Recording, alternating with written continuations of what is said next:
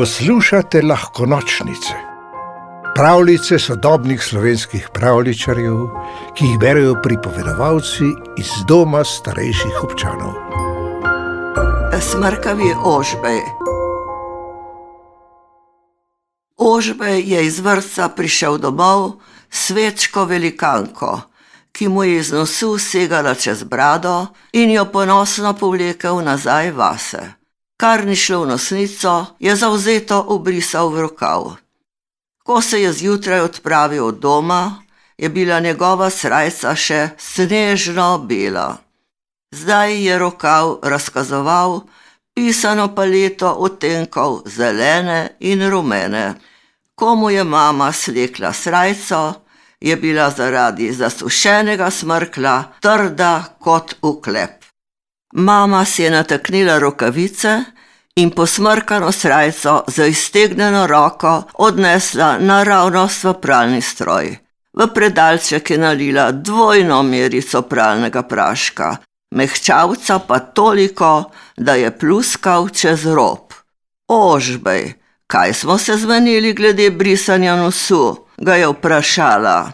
Da sem dovolj velik, da si ga obrišem sam, je ponosno zažarel ožbej in si s kazalcem poznavalsko povrtal po nosnici. In sem si ga, veliko krat, osemsto krat, ja, osemsto krat sem si ga obrisal čisto sam. Sem bil priden, mama ga je premerila izpod čela, kaj pa robci? V žepu so, je odgovoril Ožbej. Iz njega je potegnil še zaprt zavojček papirnatih robčkov. Sem lepo pazil na nje. Mama se je tako razjezila, da je skozi ušesa bušknila para. Glasno je štela do deset, da se je pomirila, na to pa zagledala Ožbeja, kako je iz nosa potegnil prst in ga slastjo obliznil. Tokrat je iz ušes buškrilo toliko pare, da bi lahko delala kot parna lokomotiva. Ne grem se več, je obupano zavzdihnila. Zdaj jih še ješ, če ti bo slabo, kar sam sebi prepiši. Odvihrala je v kuhinjo, si skuhala kavo in šla deliti novico o posmrkanem rokavu s prijateljicami na Facebooku. Ožbe je še nekaj časa stal v kopalnici in zauzeto tipal po drugi nosnici, ali se tudi v njej skriva kakšen smrkel. Tudi tam je iskanje obrodilo sadove in zelenkast prst je urno romal v ožbejeva usta. Na to je odšel v svojo sobo.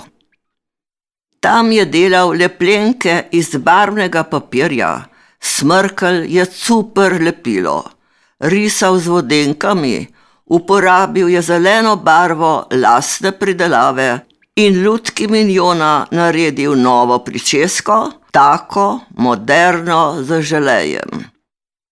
Ves čas je pridno kašljal in smrkal.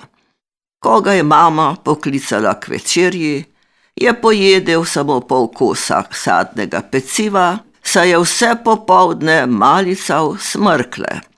Pogledal je še risanko in odšel v posteljo. Očka ga je pokril, mu zaželel lahko noč in ugasnil luč v sobi. Sredi noči je ožbeja nekaj zvilo v trebuhu.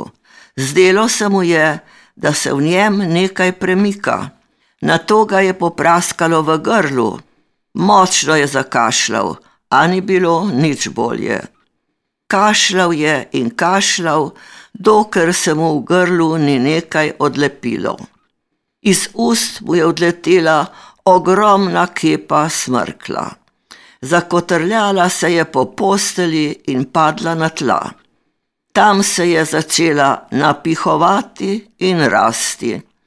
Iz nje so zaštrlele roke, na to noge, na koncu pa so se odprle rumene oči in velika črna lačna usta. Ožbej je vse to nemo opazoval in si v strahu potegnil odejo čez nos. Ha, ha, ha, ha, je zagrčala smrklasta pošast in se pretegnila. Kako tesno je bilo v mulčevem trebuhu, grem si pretegniti noge, potem pa si poiščem malico. Ožbej je skočil po konci. Kaj, če bo pošasni smrkal pojedel pecivo, ki je ostalo v kuhinji?